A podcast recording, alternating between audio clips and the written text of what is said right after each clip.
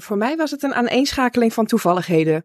Dus dat is helemaal niet een hele specifieke keuze geweest. Het was een beetje of horeca of zorg. En een tomaatsnijden kon ik al, dus ben ik de SPW gaan doen. Zo compact is het ook. Maar dat ik het 15 jaar volhoud, dat maakt volgens mij wel dat, uh, dat het me ligt en dat ik hier uh, heel blij van word. Welkom bij Werkgeversverhalen, de podcast met authentieke en originele verhalen van werkgevers in Nederland. De afgelopen jaren neemt de populariteit van podcasts toe. Werkgevers en hun verhalen kunnen niet achterblijven. Daarom gaan wij in gesprek met mensen die daar achter de schermen werken. Er ontstaat een community van gave werkgevers die openstaan om zich op een unieke wijze te presenteren aan de werkzoekenden in Nederland. Wij gaan wekelijks in gesprek met nieuwe gasten, zodat je elke week een beetje dichter bij de waarheid komt. Oh ja, aan het einde van deze podcast krijg je tips mee voor als jij besluit te solliciteren bij deze werkgever. Mijn naam is Bas Racing. Houd je handen aan het stuur en geniet van ruim 30 minuten aan echte werkgeversverhalen die je nog niet eerder gehoord hebt. Vandaag aan tafel in werkgeversverhalen met drie gezellige dames van Rijnaarden. Welkom, maar voordat wij het over jullie vakgebied hebben, gehandicaptenzorg, doen we eerst een voorstelrondje. Wie gaat er beginnen? Ik zal de aftrap nemen.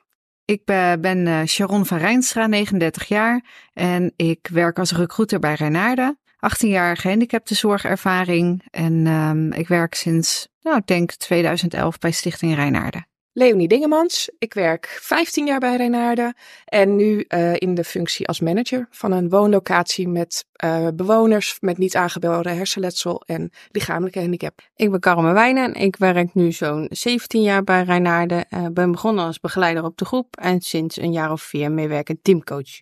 Nou, nog, nogmaals hartelijk welkom. Dankjewel. Rijnaarden, gespecialiseerd in de gehandicaptenzorg, maar jullie kunnen ongetwijfeld beter uitleggen wie jullie zijn en wat jullie doen.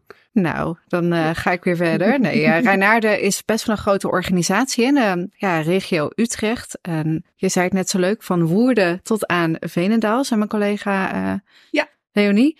En uh, ik denk dat wij zo'n 3600 uh, cliënten met een beperking ja, be begeleiden, verzorgen, ondersteunen.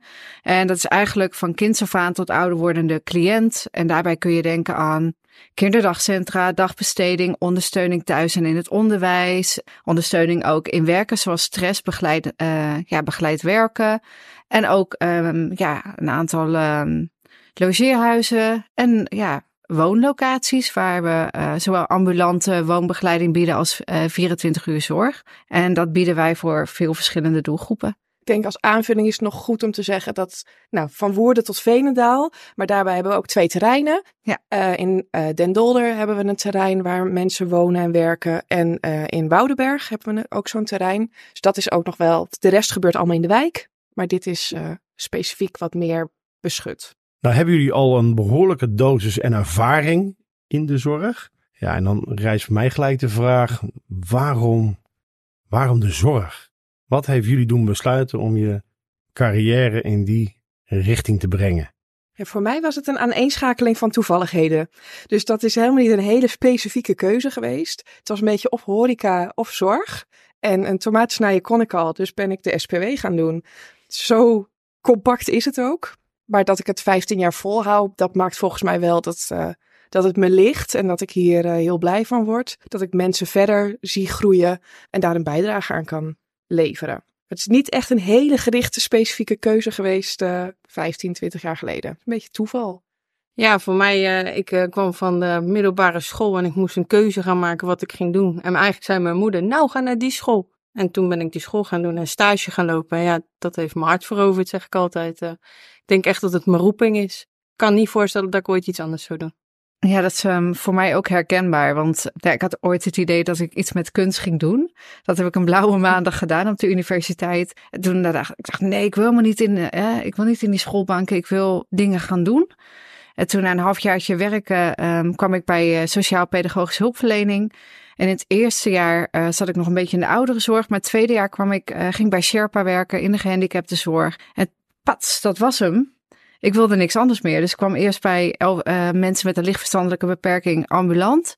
En toen ben ik eigenlijk gaan uh, invallen, gaan flexen, zoals ze dat noemen. En sindsdien ben ik ja, nooit meer weggegaan. Wel in verschillende rollen en verschillende dingen gedaan. Maar iets trekt mij. Het wat voor de ander kunnen doen. Cliënten zien ontwikkelen, maar ook medewerkers helpen in hun kracht te staan. Ik weet niet, het is gewoon, ik, wat jij zegt Carmen. Ik, kan, ik zie mezelf ook niet iets anders doen. Nu misschien wel in een andere rol, maar wel altijd in de verbinding met die cliënt en medewerker. Ja, klopt. Ja. Maar wat heeft het dan gemaakt dat jullie dan kiezen voor, nou, laten we zeggen, de gehandicaptenzorg en niet voor de ouderenzorg of de zorg in ziekenhuizen of een andere vorm van zorg? Maar waarom dan juist deze doelgroep? Nou, ik ben geen verpleegster. Ik kan daar echt niet tegen. Ik kan geen verpleegtechnische handeling. Ik ben echt een prater. Echt begeleiden op gedrag op en top.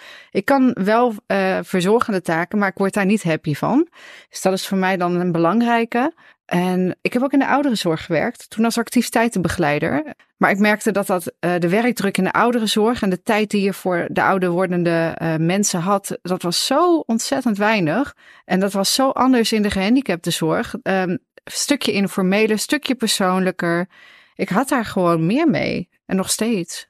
Ja. Hoe is dat voor jou, Carmen? Waarom gehandicapte zorg? Ja, ik heb altijd met een bepaalde doelgroep gewerkt. Uh, zowel kinderen als volwassenen die een uh, wat uh, intensievere zorgvraag hebben.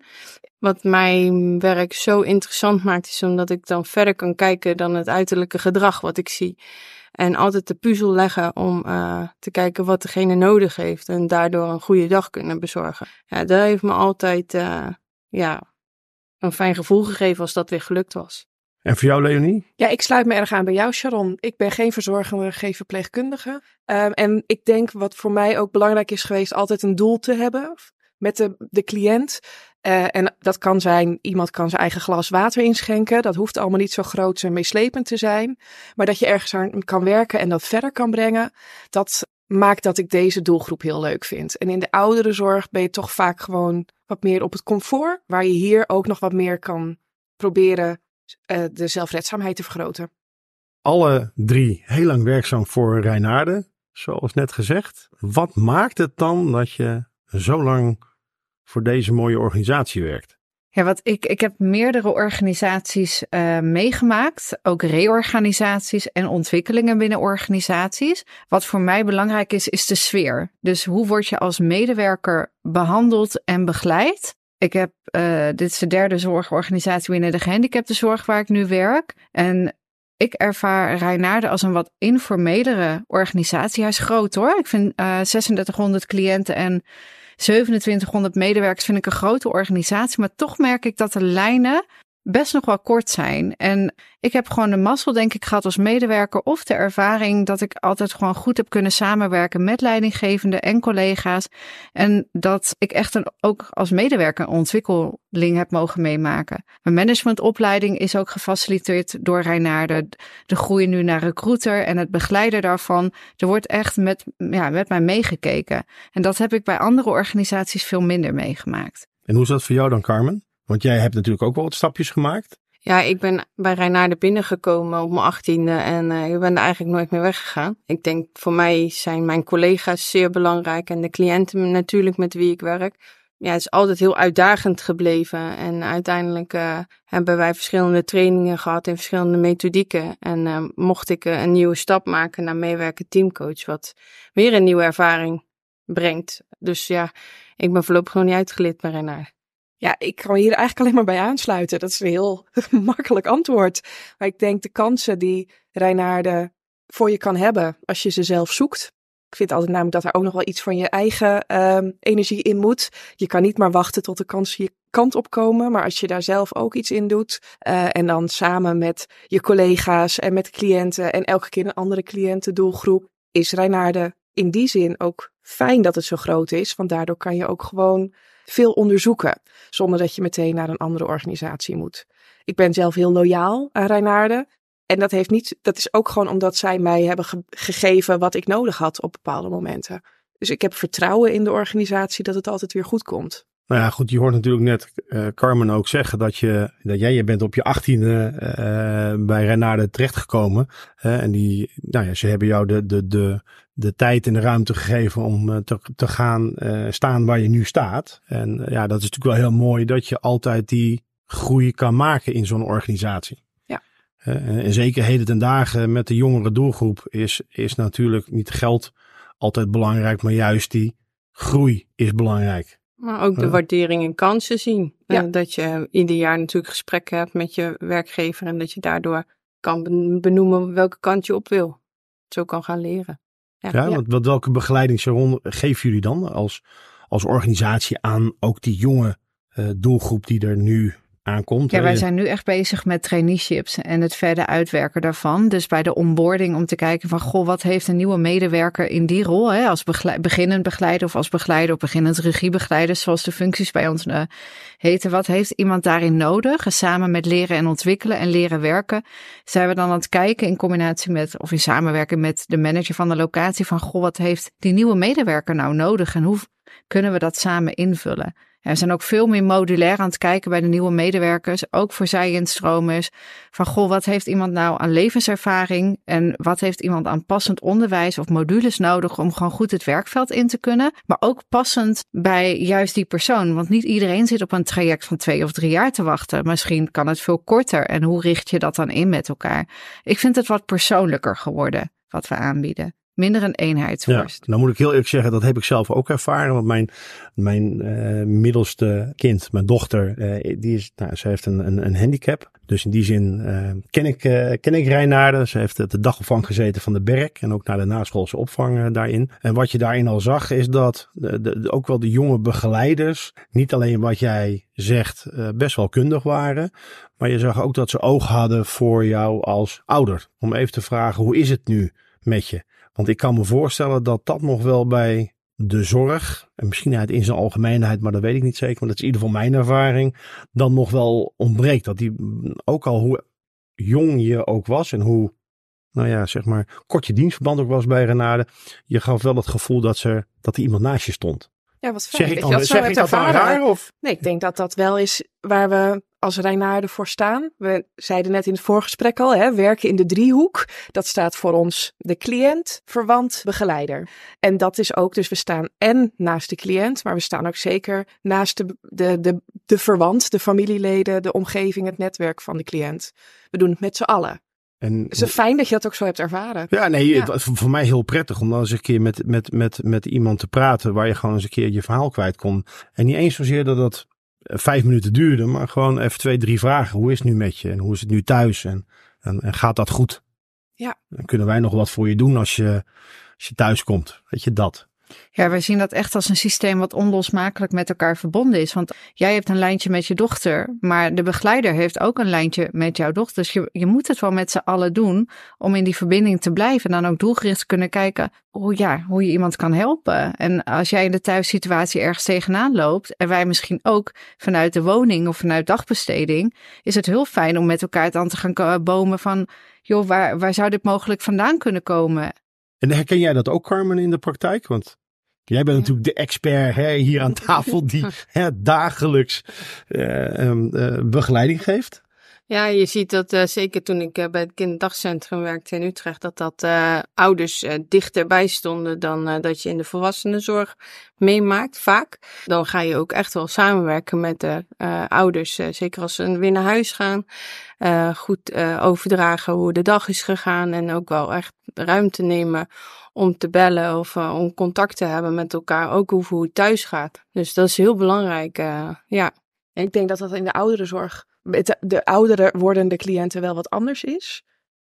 want daar zijn vaak niet zoveel verwanten meer over. Familie, als ze wat ouder zijn, ja, familie overlijdt of krijgt een andere invulling van het leven. Dus daarin zie ik wel een andere trend. Dat je het dan veel meer als begeleider zelf moet opzoeken. Oh, dat contact. Waar het als ouder in de kinderdagcentra zoeken ze het zelf nog wel weer naar de begeleider. En nu moeten we het veel meer vanuit de organisatie ook faciliteren. Ja, heb ik de indruk. In, als, je, als ze wat ouder zijn, zeg maar. Ja, maar dan kan ik me ook wel voorstellen. Want je bent dan minder op zoek naar misschien de antwoorden. Omdat je al, nou ja, je hebt die geschiedenis al met je, met je kind opgebouwd in, eh, in die zin.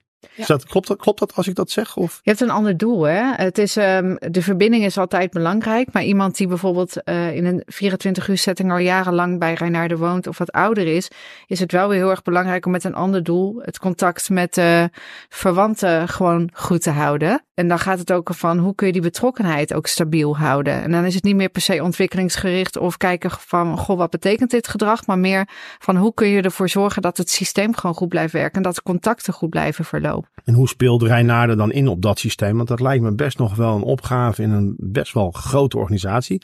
Hoe zorg je ervoor dat je dan ja, oog hebt voor ja, familie, hè, zeg je tegenwoordig. Je zegt geen verwant meer. Heb ik geleerd. ja, er zijn de discussies over, hè, welk woord je gebruikt. Ja. ja. Maar je had in ieder geval zeggen de direct naaste of de direct lief, liefhebbende, zeg maar, in deze. Nou, we hebben daar, ik weet dat we een cursusaanbod daar ook rekening mee houden. In verschillende methodieken. Hè? Dus um, vanuit uh, krachtige zelfbewust is bijvoorbeeld een methodiek, triple C. Ga ik niet te veel over uitweiden, want het is een andere podcast bijna. Maar daarin wordt ook heel veel gekeken van hoe werk je nou met een systeem of een netwerk samen. Maar er is bijvoorbeeld ook een cursus echt ingericht op werken met verwanten. Juist omdat dat heel erg belangrijk is in het contact met de cliënt en het begeleiden van de cliënt. En daarnaast heb je jaarlijks natuurlijk meerdere besprekingen die je met de ouders of verwanten hebt.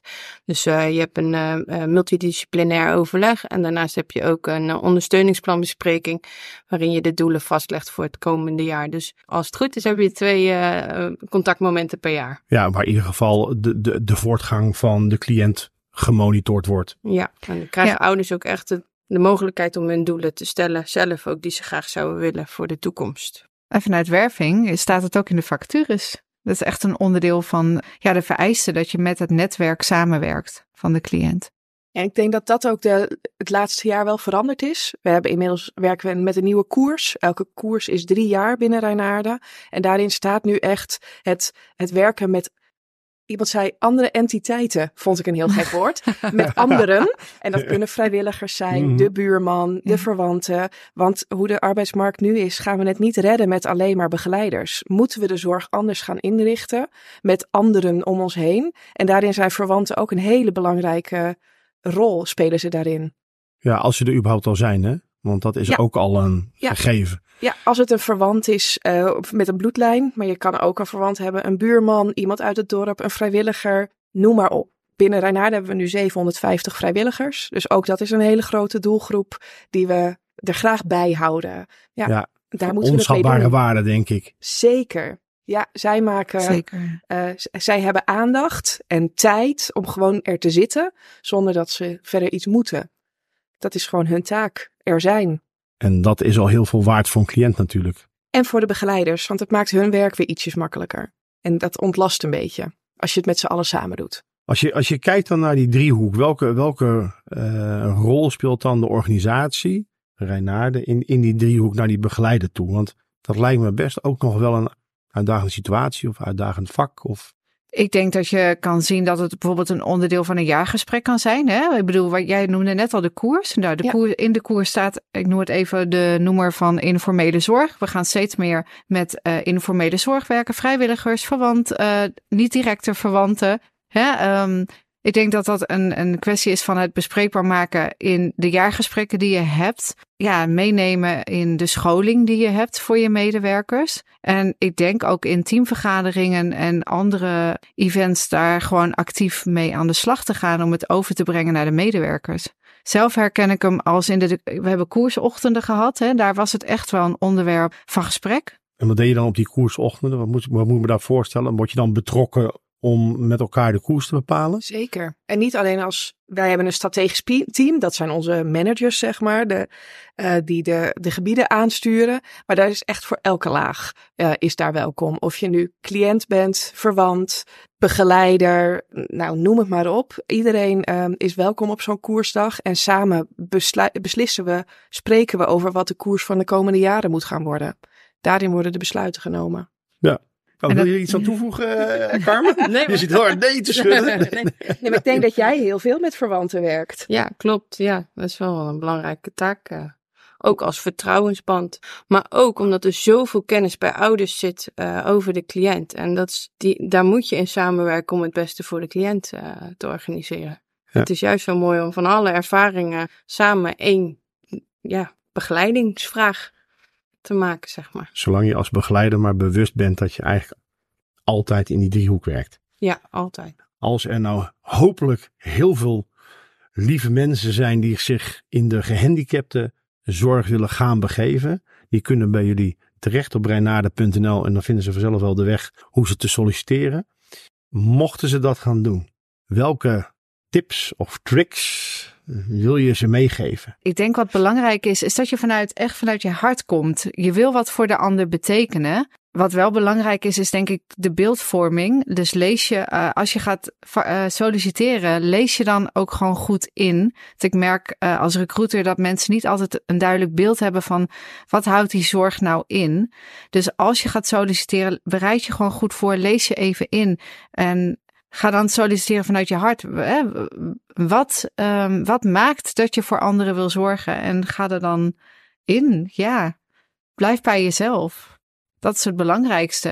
Ik weet niet en ben je jezelf, denk ik dan ook. Ja, ja, ja.